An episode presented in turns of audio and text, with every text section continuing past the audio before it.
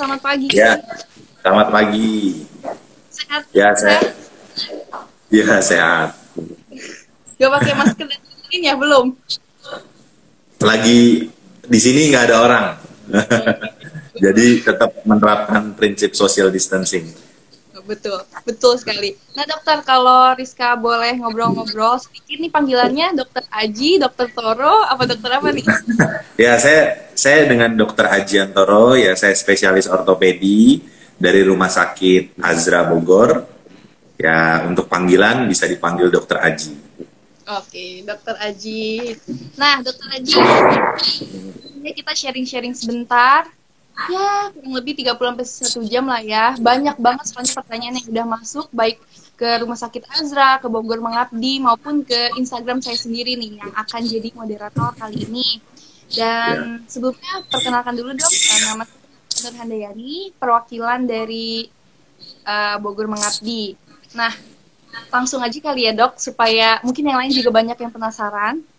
Uh, Rizka mau nanya nih, kan sekarang relate dengan keadaan kita, sekarang kita lagi era pandemi COVID. Sebetulnya ada nggak sih dok panduan atau tips yang harus dijalani supaya badan kita tetap fit dan bugar di ini?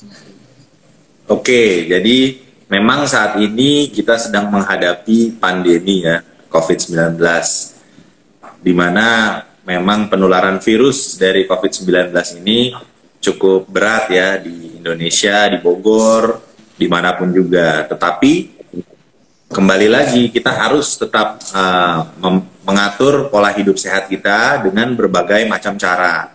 Yang pertama, yang jelas kita harus melakukan aktivitas olahraga dengan baik sesuai dengan prosedur COVID-19 yang memang sudah ada sebelumnya. Seperti contohnya kita menggunakan masker, yang kedua social distancing 1 sampai 2 meter, yang ketiga, jangan lupa untuk melakukan cuci tangan sebelum dan setelah melakukan aktivitas olahraga.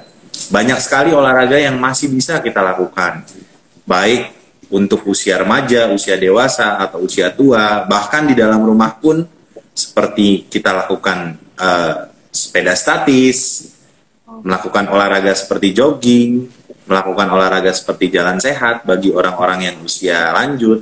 Tetapi prinsip dari olahraga tersebut saat ini harus mengikuti kaedah protokol COVID-19. Tetapi tidak hanya olahraga untuk mendapatkan tubuh yang sehat, tulang yang sehat, dan sendi yang kuat, kita harus juga mengatur pola aktivitas fisik, pola hidup, pola makan, di mana pola makan uh, 4 sehat 5 sempurna, konsumsi sayuran, bahkan suplemen-suplemen atau vitamin pada usia-usia lanjut itu juga diperlukan.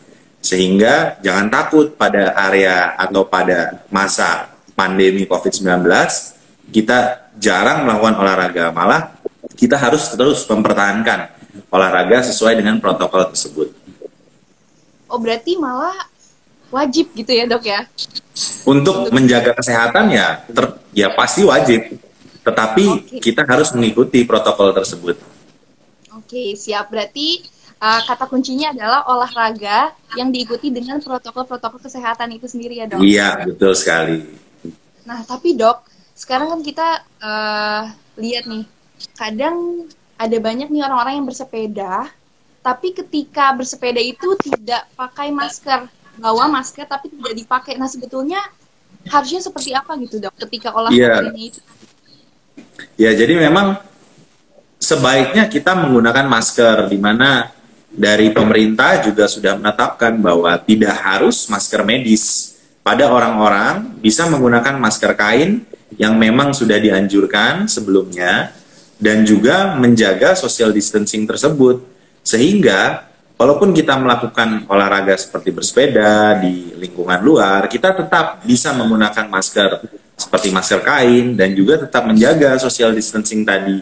Kira-kira uh, eh, 2 meter jarak dan juga cuci tangan sebelum dan setelah kita melakukan aktivitas seperti bersepeda. Oke, berarti teman-teman kalian diperbolehkan nih untuk ketika mau bersepeda pakai masker aja nggak masalah ya dok ya? Iya. Nah, selain itu tadi membahas terkait olahraga juga, Rizka penasaran kan ada beberapa olahraga misalnya kayak basket, bola itu yang harus satu tim grup. Iya. Nah kalau itu gimana dok? Kalau saran Nah, untuk olahraga-olahraga tertentu, permainan, nah ini memang menjadi eh, kendala dari eh, pandemi COVID-19. Seperti yang kita ketahui, olahraga tim atau olahraga grup itu dilakukan tidak adanya social distancing yang terjadi.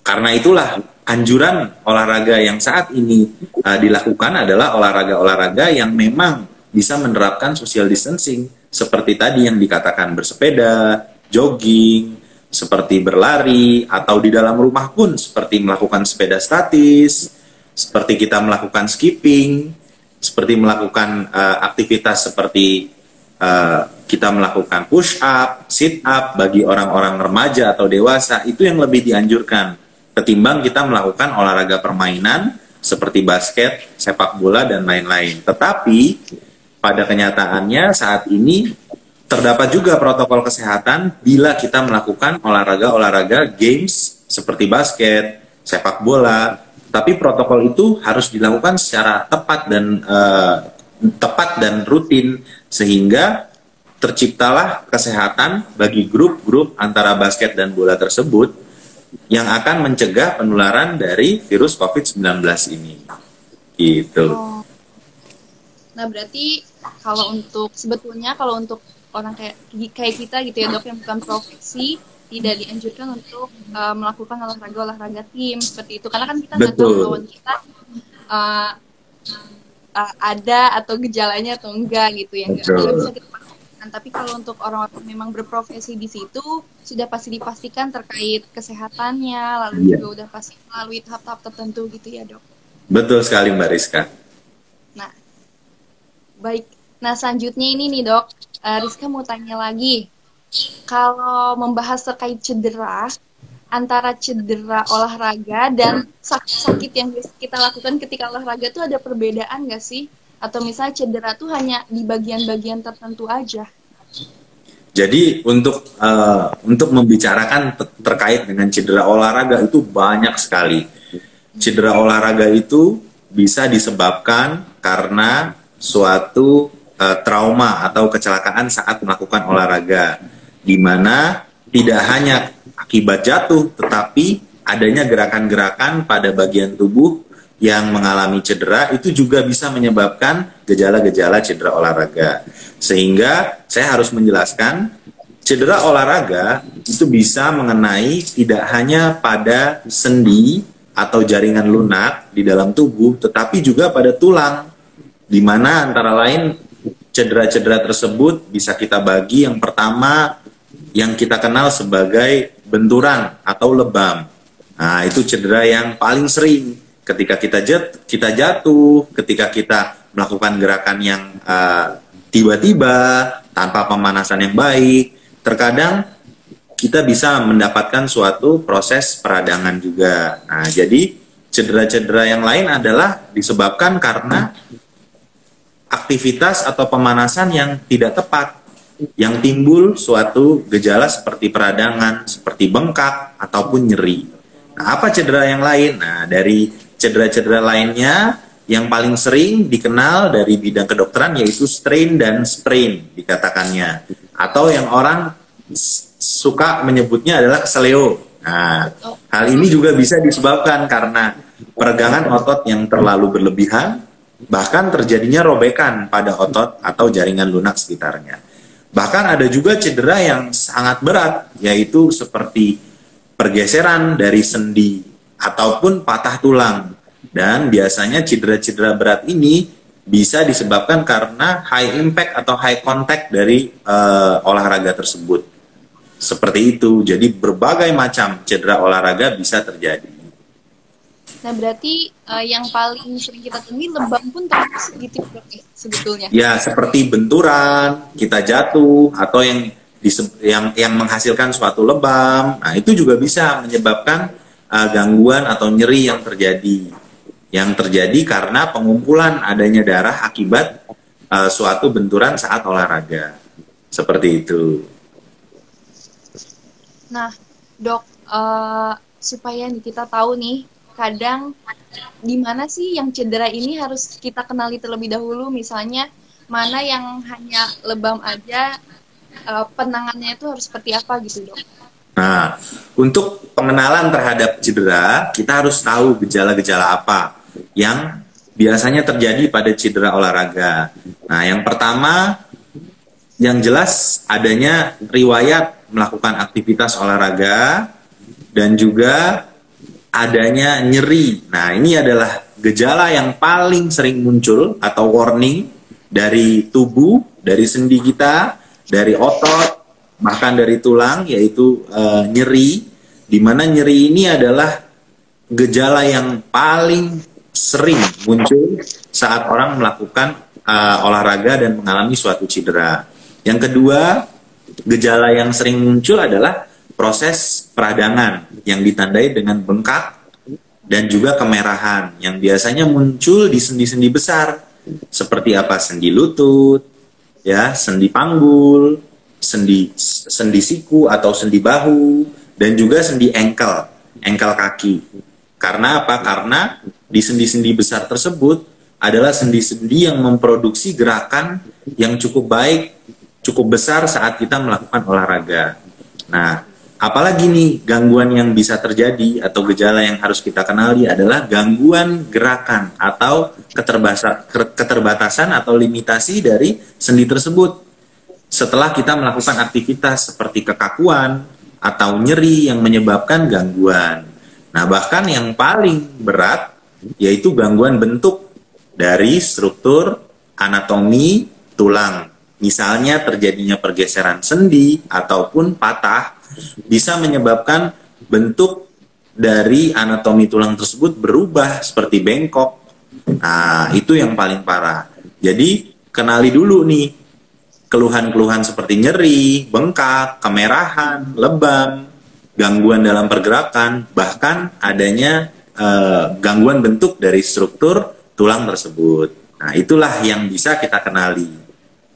Nah, dari beberapa gejala umumnya nih dok, ada satu yang bertanya dari penonton kita, Mita Dia. Ini berhubungan terkait yang tadi kita bicarakan Nah, kapan dok sebaiknya ketika mengalami cedera itu diperiksakan ke dokter atau kapan nih bisa kita tangani dulu sendiri gitu? Ya, jadi prinsip penanganan cedera itu kita bagi-bagi. Ada cedera yang ringan, ada cedera sedang, dan ada cedera yang cukup berat. Saat kita melakukan, uh, melakukan suatu aktivitas atau olahraga, bila kita melakukan kesalahan dalam pergerakan atau adanya rasa nyeri, dan juga uh, bengkak. Yang pertama harus kita lakukan adalah penanganan awal yang biasanya kita memiliki singkatan yaitu RICE, R I C E. Nah, penanganan awalnya RICE seperti nasi. Nah, itu singkatannya tuh. Nah, R pertama itu adalah rest. Jadi kita harus istirahatkan dulu. Istirahatkan area tempat atau area tubuh kita yang mengalami nyeri atau cedera tersebut. Gunanya untuk apa? Gunanya dari rest atau istirahat ini adalah untuk mengurangi kerusakan yang akan terjadi. Kira-kira berapa lama? 1 sampai 2 hari kita harus rest.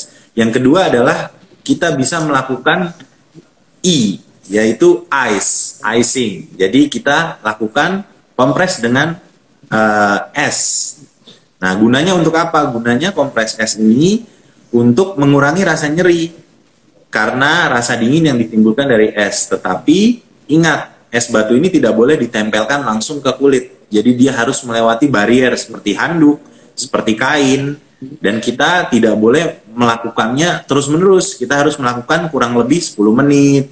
Setelah itu kita istirahatkan 10 menit, boleh dilakukan kembali. Yang ketiga adalah C yaitu kita kenal sebagai compression dari rice tadi. Nah, artinya kita balut.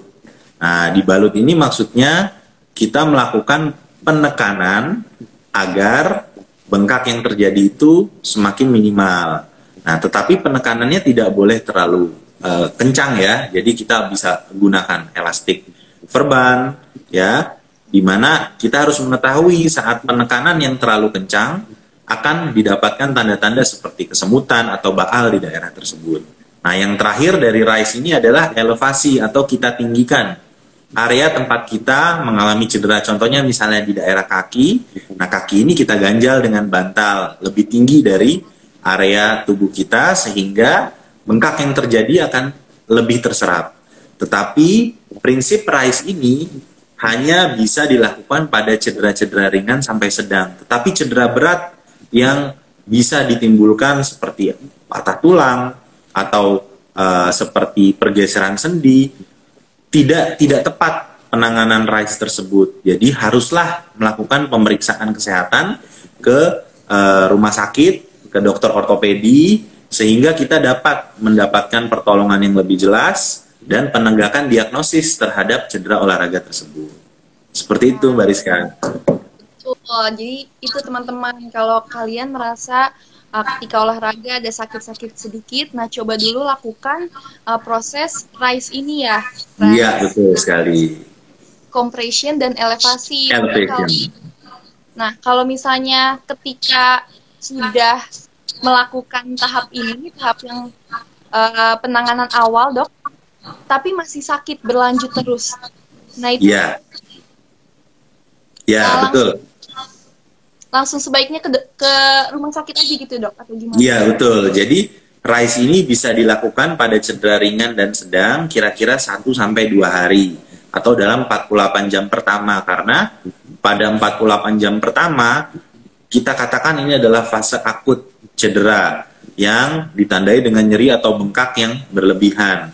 Selain itu, kita juga bisa menambahkan obat-obatan anti nyeri ya seperti parastamol yang biasanya bisa dikonsumsi eh, uh, atau ibuprofen ya. Tetapi paling utama ketika nyeri tersebut tidak hilang periksakanlah diri ke dokter ortopedi ya sehingga kita dapat mengetahui lebih lanjut apa yang terjadi atau masalah cedera tersebut dan mendiagnosis lebih lanjut sehingga terapi yang yang akan dilakukan itu lebih baik karena penyembuhannya cukup cukup uh, cukup uh, penyembuhan dalam cedera olahraga itu tidak tidak sesimpel itu. Jadi uh, dia cukup kompleks. Karena itulah dengan terapi yang akurat dan terapi yang uh, teratur, kompleks, penyembuhan yang terjadi itu bisa lebih baik.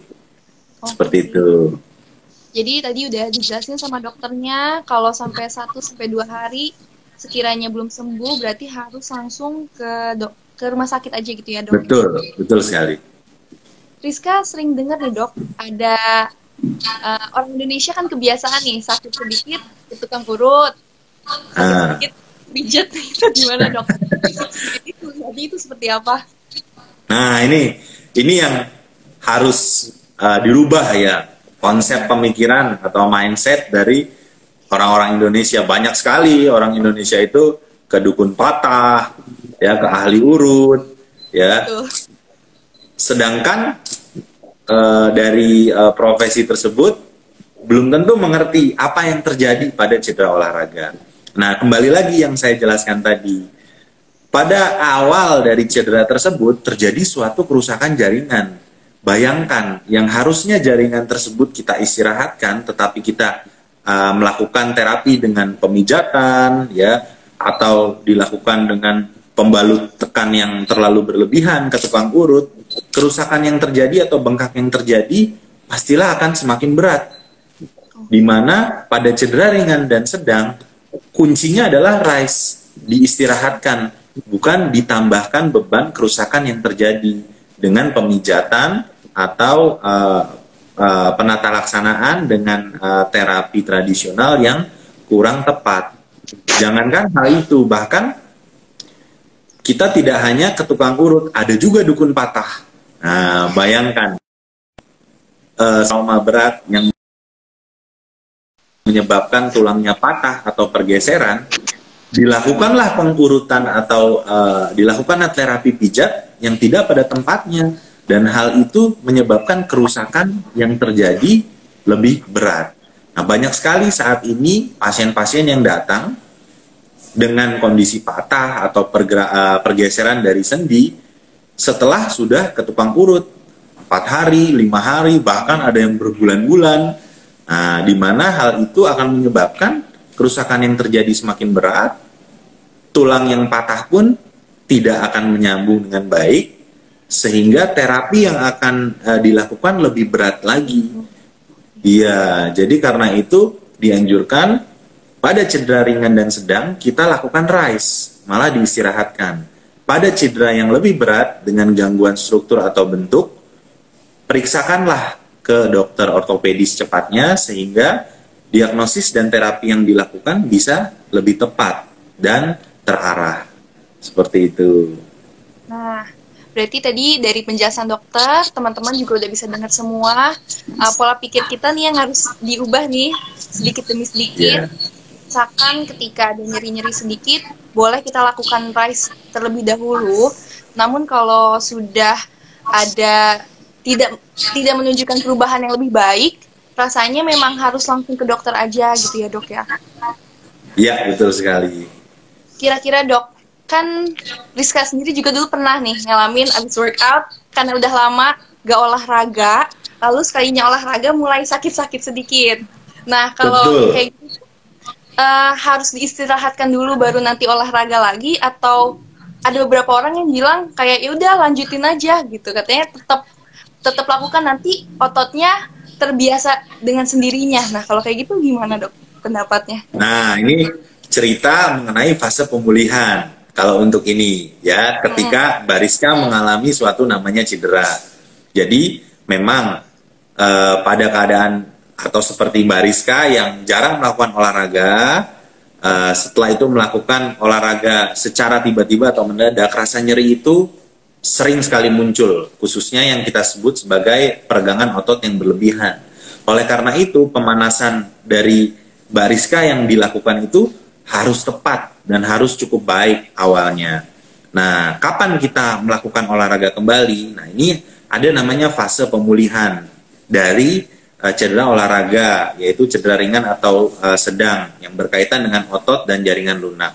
Di, mana kita bagi menjadi uh, fase awal, fase tengah, dan fase lanjut.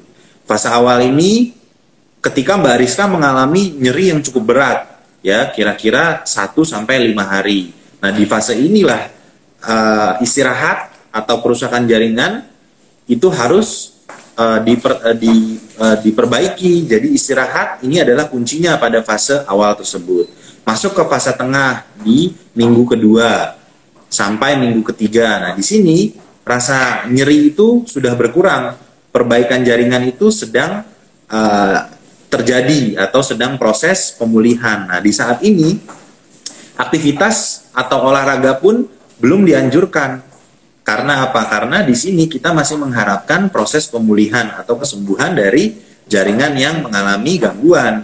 Nah, di fase lanjut di hari ke-21 atau uh, minggu ketiga, lebih dari minggu ketiga ketika nyeri itu sudah hilang, penyembuhan itu sudah bisa dirasakan dengan uh, dengan uh, opsi bahwa gerakan yang dilakukan oleh Mbak Rizka atau dilakukan uh, pada sendi tersebut sudah tidak terdapat rasa nyeri, nah di sinilah olahraga boleh mulai dilakukan yaitu pada fase lanjut lebih dari tiga minggu. Tetapi kembali lagi olahraga itu dilakukan dengan step-step yang jelas atau dengan prosedur yang tetap tepat, pemanasan yang baik, dimulai tidak tiba-tiba dan juga dengan porsi yang tepat sehingga faktor resiko untuk terjadinya cedera kembali itu berkurang. Nah, seperti itu. Jadi tidak boleh setelah cedera langsung dilakukan olahraga tidak boleh karena memang ada fase penyembuhannya. Nah, istirahatkan dulu. Saat masuk ke dalam fase rehabilitasi fase lanjut di uh, minggu ketiga nyeri tersebut hilang, barulah kita bisa memulai aktivitas olahraga. Seperti itu ya. Berarti ada tiga tahap ya, fase awal, iya. tengah, dan lanjut. Awal yang pasti istirahat. Istirahat.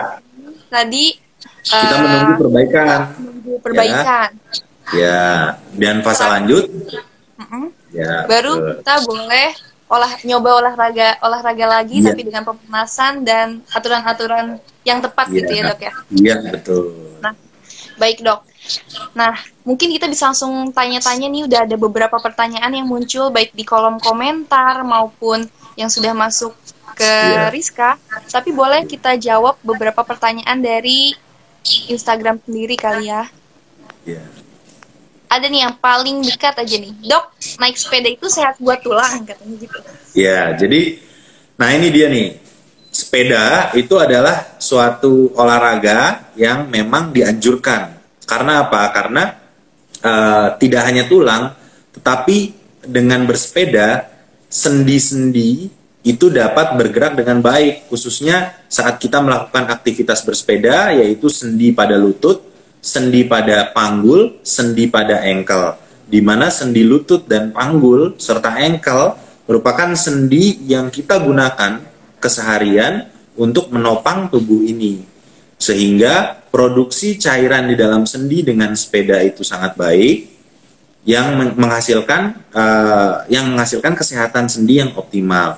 Khususnya sepeda ini dianjurkan pada usia-usia lansia atau usia tua di atas 55 tahun. Karena apa? Karena di usia tersebut olahraga ini yang dianjurkan adalah olahraga yang ringan sampai sedang. Karena beban tubuh yang sudah biasanya berat badan meningkat, yang kedua terjadinya proses penuaan atau osteoporosis, sehingga olahraga yang dianjurkan olahraga yang tidak berat atau bukan high contact activity sport. Jadi sepeda khususnya sepeda statis pada orang usia tua itu sangat dianjurkan karena gerakan sendi yang dihasilkan menghasilkan suatu uh, kesehatan pada sendi dan tulang kita. Seperti itu. Berarti uh, berarti kalau misalnya ditanya sepeda itu sehat, sehat dong ya gitu ya. Sehat. Apalagi untuk umur-umur yang sudah tua gitu, yang sudah lanjut Betul. usia gitu. Nah, tetapi balik lagi Mbak Rizka, untuk usia-usia yang sudah tua dengan keseimbangan yang memang sudah uh, sulit, nah sepeda yang dianjurkan ini adalah sepeda statis, bukan sepeda dinamis, ya, karena dengan sepeda statis uh, tidak tidak diperlukan keseimbangan yang terlalu uh, berat, yang diperlukan adalah endurance untuk menghasilkan tubuh atau sendi yang sehat, juga sistem kardio respirasi jantung dan paru-paru pada orang-orang usia lanjut juga bisa mengalami uh, perbaikan atau kesehatan didapatkan pada jantung dan paru tersebut. Seperti itu. Nah, ngomong-ngomong tentang usia tua, uh, selain sepeda statis, apalagi dok untuk yang sudah berumur? Nah, yang sudah berumur ini nih, yang sudah berumur jadi prinsipnya adalah olahraga yang dianjurkan adalah non impact atau tidak olahraga berat ya. Kita bisa lakukan jalan sehat ya di sekeliling rumah, bahkan di dalam rumah juga bisa. Sepeda statis ya, bila memungkinkan dan masih bisa melakukan adalah berenang ya. Berenang atau berjalan di dalam kolam itu juga sangat membantu untuk menguatkan otot-otot. Apalagi berkaitan dengan orang-orang usia tua masa ototnya itu kan berkurang ya kebanyakan masa lemaknya yang meningkat berat badannya yang naik nah iya. seperti itu ya sebagian besar ya orang tua ya nah karena itu olahraga olahraga seperti sepeda statis ya jalan sehat aerobik aerobik tetapi yang tidak ber, uh, tidak dengan uh, gerakan yang berlebihan berenang atau berjalan di uh, kolam itu adalah berbagai macam olahraga yang bisa dilakukan karena kita tidak hanya ingin mendapatkan kesehatan tulang dan sendi, tetapi dengan olahraga tersebut kita ingin memperbaiki kapasitas atau fungsi dari jantung dan paru yang sangat penting pada orang-orang usia lanjut. Oke, Seperti itu. Berarti ada beberapa ya tadi Rizka catat ada jalan sehat, sepeda statis, yeah. berenang kalau memungkinkan atau jalan di dalam uh, kolam air ya. Ya. Dan juga senam ya, senam sehat. Senam, sehat. Senam ibu-ibu itu ya biasanya bareng-bareng. Ya, dengan ya ya banyak sekarang ada senam jantung sehat, ya senam diabetes, banyak banyak sekali sekarang apa namanya oh. uh, contoh-contoh senam diabetes juga ada ya dok? Iya, biasanya dilakukan. Okay. Itu hanya hanya sebuah hanya sebuah ungkapan aja. Jadi untuk okay. membuat ya orang-orang atau perkumpulan diabetes ini melakukan aktivitas oh. dengan baik atau olahraga gitu. Oh, sih. Nah, dok, tadi masih tentang sepeda. Ada yang bertanya juga dari Rian Disa. Kalau naik sepeda, lupa pemanasan, terus di tengah jalan kram, boleh lanjut lagi nggak uh, bersepedanya? Atau ya. udahin aja? nah, ini ini adalah satu contoh pertanyaan yang cukup bagus ya. Jadi gejala lainnya adalah kram dengan pemanasan yang tidak tepat. Nah, hal ini disebabkan karena ototnya itu tergang. Ototnya itu tergang secara tiba-tiba atau yang kita bilang yaitu melakukan kontraksi dari sisi medis atau tergang secara tiba-tiba. Nah, otot yang mengalami hal tersebut dia akan mengeluarkan warning yaitu berupa nyeri dan kram. Nah, untuk itu balik kembali tidak boleh dilanjutkan. Yang jelas diistirahatkan dulu ototnya ya sehingga kerusakan jaringan yang terjadi itu uh, berkurang. Nah, saat nanti kita sudah masuk ke dalam fase pemulihan baru kita lakukan aktivitas kembali ya. Jadi kuncinya Mbak Rizka pema pemanasan yang optimal dan tepat sehingga otot atau uh, jaringan lunak di tubuh kita tidak kaget saat kita melakukan atau memulai aktivitas atau olahraga yang sedang sampai berat. Seperti itu. Oke, berarti harus istirahat dulu ya, jangan dilanjutkan. Istirahat dulu. Iya. Oke. Nah, ada beberapa pertanyaan lagi nih. Banyak sih dok yang lucu-lucu katanya mau lari takut covid, mau berenang takut covid, mau sepedaan mahal sepedanya katanya. Uh, olahraga kan nggak harus yang mahal, Bariska. Iya betul tuh.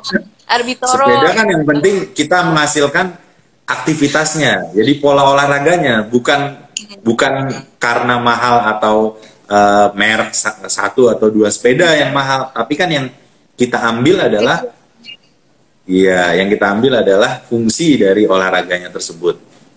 Nah, itu Mas Arbitoro katanya nggak harus mahal-mahal kok sepedanya gitu. Dan lari juga boleh cuman harus pakai masker juga. Dan yeah. sendiri aja jangan bareng sama teman-teman dulu lah kalau sekarang ya dok ya. Ya yeah. lebih aman seperti itu. Nah selain itu juga ada olahraga apa yang nggak bakal kena cedera? Olahraga yang pemanasan dulu dan pemanasannya tepat Mas Biko benar ya dok betul sekali nah 100 buat Rizka iya Selain itu juga nih dok, ada beberapa pertanyaan, tapi uh, ini yang muncul di Instagramnya Rizka karena dia mengalami cedera. Dan yeah. ini pertanyaan dok, gimana cara melakukan olahraga ringan pasca pemulihan cedera ACL dan LCL? Uh, adakah gerakan atau penguatan tertentu yang dapat menguatkan kembali ligamen pasca pengobatan suntik stem cell atau fluoroterapi. Nah, jadi untuk uh, untuk cedera-cedera seperti ACL atau LCL ya itu adalah suatu ligamen di dalam lutut ya. ACL itu disebut anterior cruciate ligamen dan LCL itu adalah lateral cruciate ligamen. Ligamen ini adalah suatu tali seperti tali pengikat di dalam lutut ya yang yang mana terkadang pada kondisi tertentu atau uh, high activity pada olahraga yang berat itu mengalami kerusakan atau cedera. Nah, yang pertama uh, dari uh, penanya saya harus mengetahui atau kita harus mengetahui dulu atau mendiagnosis ya ACL dan LCL yang rusak tersebut. Nah, ketika ACL atau LCL ini rusak secara bersamaan, nah di sini adalah indikasi yang uh, terdapat uh, dari kerusakan keduanya itu adalah indikasi untuk dilakukan tindakan rekonstruksi atau repair dari ligamen yang rusak tersebut. Jadi penting sekali dilakukan tindakan operatif untuk memperbaiki atau mengganti dari ligamen atau tali pengikat lutut yang rusak tersebut. Nah, setelah melakukan penggantian, ketika kedua dari ligamen ACL dan LCL ini rusak, barulah rehabilitasi itu dilakukan dengan periode rehabilitasi yang jelas yaitu kira-kira enam minggu pertama dia harus melakukan uh, uh, latihan kekuatan otot seperti isometrik yang kita ketahui. Jadi kita meningkatkan kekuatan otot di sekitar lutut. Setelah itu penggunaan tongkat dan brace lalu perlahan-lahan sampai kira-kira pasien itu menjalani rehabilitasi di uh, eh, 4 sampai 6 bulan barulah kita mulai melakukan olahraga atau aktivitas ringan terlebih dahulu. Ya, aktivitas tersebut bisa seperti berenang, olahraga seperti berenang, seperti sepeda statis, tetapi kita harus memastikan kekuatan otot di sekitarnya itu sudah cukup baik. Tetapi yang jelas, yang paling pertama harus dilakukan adalah mendiagnosis ACL dan LCL tersebut dan melakukan tindakan untuk memperbaiki atau merekonstruksi ACL dan LCL yang putus atau yang rusak. Seperti itu. Nah, Hmm, begitu. Nah, setahu saya itu dia robek gitu, dok. Setahu saya Iya. robek Nah. sampai nggak bisa jalan apa apa gitu Betul. kalau nggak salah. Nggak bisa jalan. Nah, sebetulnya dari dokternya itu uh, mereka menganjurkan untuk operasi, tapi Betul. katanya nah karena dia belum berani dan katanya kemungkinannya itu kan nggak 100% kembali seperti semula gitu ya dok. Betul. Nah, jadi dia memilih untuk stem cell ini kayak gitu. Iya. Berarti uh, untuk penguatan-penguatannya emang ada khusus sendiri ya untuk di lutut Iya. gitu ya, Dok. Iya. Tapi memang gini Mbak Rizka, ketika ACL dan LCL itu eh, mengalami kerusakan secara bersamaan, nah memang indikasi yang jelas dilakukan adalah tindakan operatif dan itu merupakan suatu ketetapan yang sudah sudah sudah ada di di, di dunia oleh WHO, oleh uh, asosiasi atau uh, perkumpulan dokter uh, ortopedi yang merupakan indikasi salah satu indikasi untuk dilakukan tindakan operasi atau rekonstruksi adalah ketika ACL dan LCL ini rusak secara bersamaan atau robek. Tetapi untuk ke depannya memang kita harus melihat bagaimana uh, diagnosis atau kerusakan yang terjadi dengan pemeriksaan MRI dahulu ya pada lutut ya untuk mengetahui robeknya seperti apa. Nah, tetapi mungkin betul yang dikatakan uh, dokter lainnya bahwa uh, salah satu terapi utamanya adalah dilakukan tindakan rekonstruksi atau operasi artroskopi lutut untuk mengganti sendi uh, untuk mengganti tali pengikat uh, dari sendi lutut tersebut ya. Oke, baik-baik. Berarti harus sebetulnya tindakan rekonstruksi itu adalah yang sebetulnya tepat gitu ya, Dok ya. Iya. Ah, ya cuman- jika ya jika terjadi keduanya ya secara bersamaan. Ya. Oke. Tapi yang Nah, paling ini- jelas ya diagnosis dulu ya. Kita harus menegakkan diagnosis tersebut. ya. Nah, ini masih berhubungan dengan ligamen Eh, dari Triapian Syah. Ligamen saya sudah geser bertahun-tahun, namun belum pernah periksa ke dokter masih aman olahraga. Jadi kalau namanya ligamen itu harus diperbaiki ya. Ligamen itu nggak ada yang bergeser. Sebetulnya ligamen itu kan tali pengikat. Mungkin sendinya yang mengalami pergeseran ya, yang menyebabkan ligamennya ini mengalami suatu peregangan atau robek. Nah, yang pertama yang harus dilakukan adalah kita harus menegakkan dulu diagnosis. Apakah betul ligamennya itu robek atau sendinya itu bergeser? Nah, diagnosis itu yang harus ditegakkan dengan jelas. Karena apa? Karena yang saya katakan sebelumnya, cedera olahraga yang tidak ditangani dengan baik ya akan menghasilkan gejala sisa yang kompleks ke depannya. Nah, bagaimana kita tahu atau kita meminta seseorang boleh berolahraga tetapi diagnosis itu belum bisa kita tegakkan. Iya, jadi sebaiknya uh, pada orang tersebut datanglah ke dokter ortopedi, dilakukan pemeriksaan yang jelas, ditegakkan dulu diagnosis, baru kita bisa mengatakan kapan dia bisa berolahraga atau terapi apa yang akan dilakukan saat ini. Seperti itu Mbak Rizka. Oke, berarti eh, yang paling utama tadi yang ada bermasalah dengan ligamen-ligamen itu ke dokter dulu sih ya dok ya. Ke dokter dulu Ya. untuk menegakkan diagnosisnya. Ya, Oke. seperti Nah. Selanjutnya juga ada dari Gaisani. Eh, kalau workoutnya salah gerakan, punggung bawahnya jadi sakit banget. Nah harus diapain dulu nih dok? Yang pertama masalah punggung. Ya, jadi low back pain atau nyeri punggung bawah. Nah, ini juga sangat sering terjadi pada uh, olahraga ya, khususnya olahraga berat atau yang berkaitan dengan uh, mengangkat atau menunduk ya.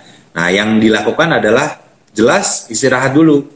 Ya, jelas istirahat dulu karena sebagian besar low back pain itu diakibatkan karena muscle spasm atau yang kita kenal sebagai peregangan dari otot yang berlebihan di uh, punggung bawah. Jadi istirahat harus dilakukan. Yang kedua, bila setelah istirahat uh, tidak tidak ada perubahan, ya harus diperiksakan uh, ke dokter untuk kita ketahui apa yang terjadi.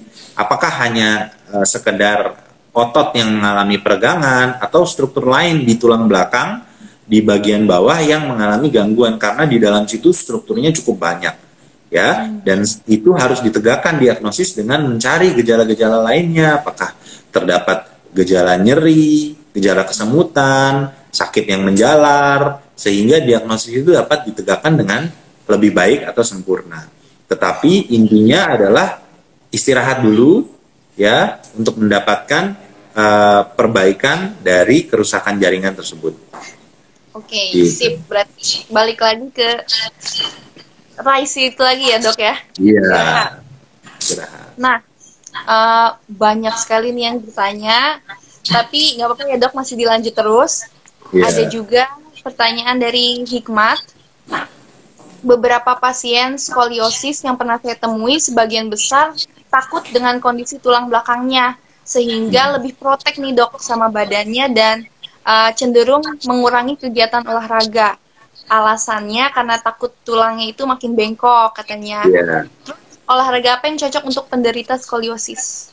Ya, jadi memang kalau berbicara mengenai skoliosis atau tulang belakang yang bengkok ini panjang sekali ini ya berbicara. Jadi kita harus ketahui bahwa uh, skoliosis ini adalah suatu masalah yang disebabkan karena tulang belakang ini bengkok. Di mana sampai saat ini ya penyebabnya itu tidak tidak tidak tidak diketahui dengan jelas ya berkaitan dengan olahraganya.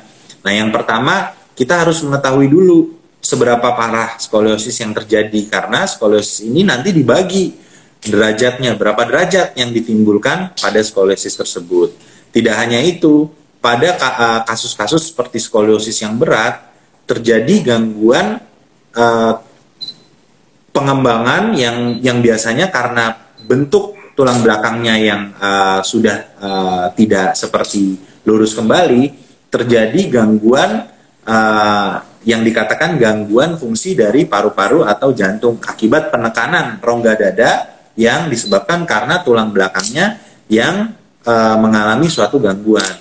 Oleh karena itu yang pertama harus diketahui bahwa berapa derajat skoliosis yang uh, terjadi pada seseorang, apakah skoliosisnya hanya ringan atau skoliosisnya hanya berat? Dan olahraga yang dilakukan harus disesuaikan. Pada skoliosis-skoliosis ringan di bawah uh, kira-kira 30 derajat atau 25 derajat olahraga itu banyak yang bisa dilakukan. Sama aja seperti orang uh, pada umumnya bersepeda, berenang, aktivitas fisik ya seperti uh, lari, jogging boleh dilakukan. Tapi pada orang-orang dengan skoliosis yang cukup berat di atas 40 sampai 50 derajat, nah di sini yang mengalami uh, suatu permasalahan karena otot-otot di punggung bagian uh, di punggung khususnya uh, punggung bagian atas itu akan mengalami suatu gangguan sehingga nyeri sering sekali timbul. Apalagi skoliosis itu berat. Misalnya skoliosis di atas 70 derajat nah fungsi dari paru dan jantungnya itu akan mengalami suatu perubahan karena adanya penekanan dari rongga dada. Oleh karena itu tergantung dari skoliosis tersebut. Bila skoliosisnya ringan tidak ada masalah. Aktivitas saja. Yang penting kita harus tahu pertama berapa derajat itu skoliosis dan apakah ringan atau berat. Seperti itu Mbak Rizka. Berarti untuk yang uh, skoliosis yang pertama harus tahu dulu derajatnya, baru dokter iya. bisa menentukan uh, Iya betul, betul, betul nah. sekali. Ya. Ada beberapa, ada beberapa, tapi ada beberapa olahraga yang memang uh, dianjurkan pada skoliosis, yaitu olahraga-olahraga yang ditujukan untuk memperkuat otot-otot di punggung seperti yaitu pull up exercise ya seperti dilakukan yoga ya pilates itu bisa dilakukan berenang sehingga otot-otot batang tubuh di punggung belakang itu semakin kuat lagi. Oke, okay. berarti sudah disebutkan tadi sama dokternya nih untuk yang penderita skoliosis ada pull up, yoga, eh, berenang dan yeah. pilates ya. Yeah. Eh, ke pertanyaan selanjutnya dok, uh, kalau penggunaan sepatu itu bisa berpengaruh nggak sih dok terhadap kinerja olahraga kita dan mencegah cedera? Iya, untuk penggunaan sepatu sendiri ini memang dianjurkan kita menggunakan uh, sepatu yang baik ya, sepatu yang dengan uh, sol yang uh, cukup tebal ya, cukup empuk ya kan karena kan banyak kan saat ini ya sport shoes yang bisa digunakan karena apa? Karena memang dengan sepatu yang uh, cukup baik itu akan uh, pijakan yang didapatkan oleh tubuh itu dapat uh, dihasilkan secara merata di seluruh uh, bagian kaki. Sedangkan bila kita menggunakan sepatu-sepatu yang tipis, bahkan sendal ataupun kita tidak menggunakan sepatu, nah ini bahayanya akan muncul dari gangguan-gangguan yang khususnya pada area-area uh, bawah atau telapak uh, pada kaki karena apa? Karena pijakan yang terlalu keras saat melakukan aktivitas atau olahraga. Jadi sepatu itu juga perlu diperhatikan ya dari tingkat solnya atau uh, dari uh, segi sisi uh, sport shoes yang digunakan. Oke. Nah, uh, ini pengalaman sih dok. Kayak saya biasa kalau jalan-jalan uh, gak jogging sih jalan-jalan sehat seperti itu nggak pakai uh, sepatu. Nah itu tuh sebetulnya boleh apa enggak? Jalan sehat tanpa sepatu iya. gitu ya. Nah sebetulnya memang uh, dianjurkan memang kita melakukan aktivitas atau jalan itu menggunakan sepatu lebih baik ya sehingga tekanan yang dihasilkan itu seimbang. Lalu uh, bantalan yang ada pada uh, sepatu tersebut dapat menghasilkan uh, suatu shock pada kaki seseorang melakukan aktivitas. Ya boleh-boleh saja jalan ya uh, nyeker yang dikatakan ya dari orang-orang uh, apa awam uh, sehingga tekanan pada pressure dari kakinya itu semakin uh, apa namanya semakin dirasakan sehingga peredaran darah uh, juga uh, didapatkan lebih baik. Itu boleh saja tidak ada masalah. Tapi pada aktivitas olahraga yang uh, lebih Eh, sedang atau berat, sepatu itu harus digunakan. Oke, berarti tergantung olahraganya apa. Tapi kalau untuk jalan sehat sih oke, tapi untuk olahraga-olahraga lainnya harus pakai sepatu. Iya betul. Selanjutnya dari Nindya, apa fungsi foot band dalam pencegahan cedera saat olahraga? Iya, foot band. Jadi uh, ada beberapa uh, yang mengatakan bahwa uh, foot band ini bisa uh, digunakan ya.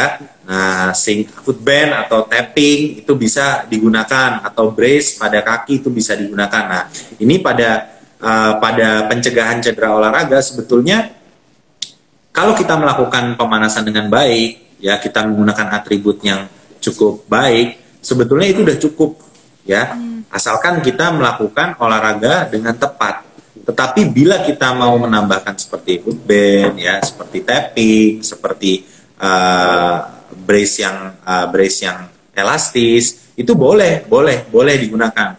Intinya adalah dia menghambat untuk melakukan gerakan atau posisi yang berlebihan sehingga cedera itu uh, dapat resiko cedera itu dapat dikurangi. Jadi itu nggak masalah mau digunakan juga nggak ada nggak berpengaruh uh, malah juga bisa menurunkan resiko terjadinya cedera. Okay.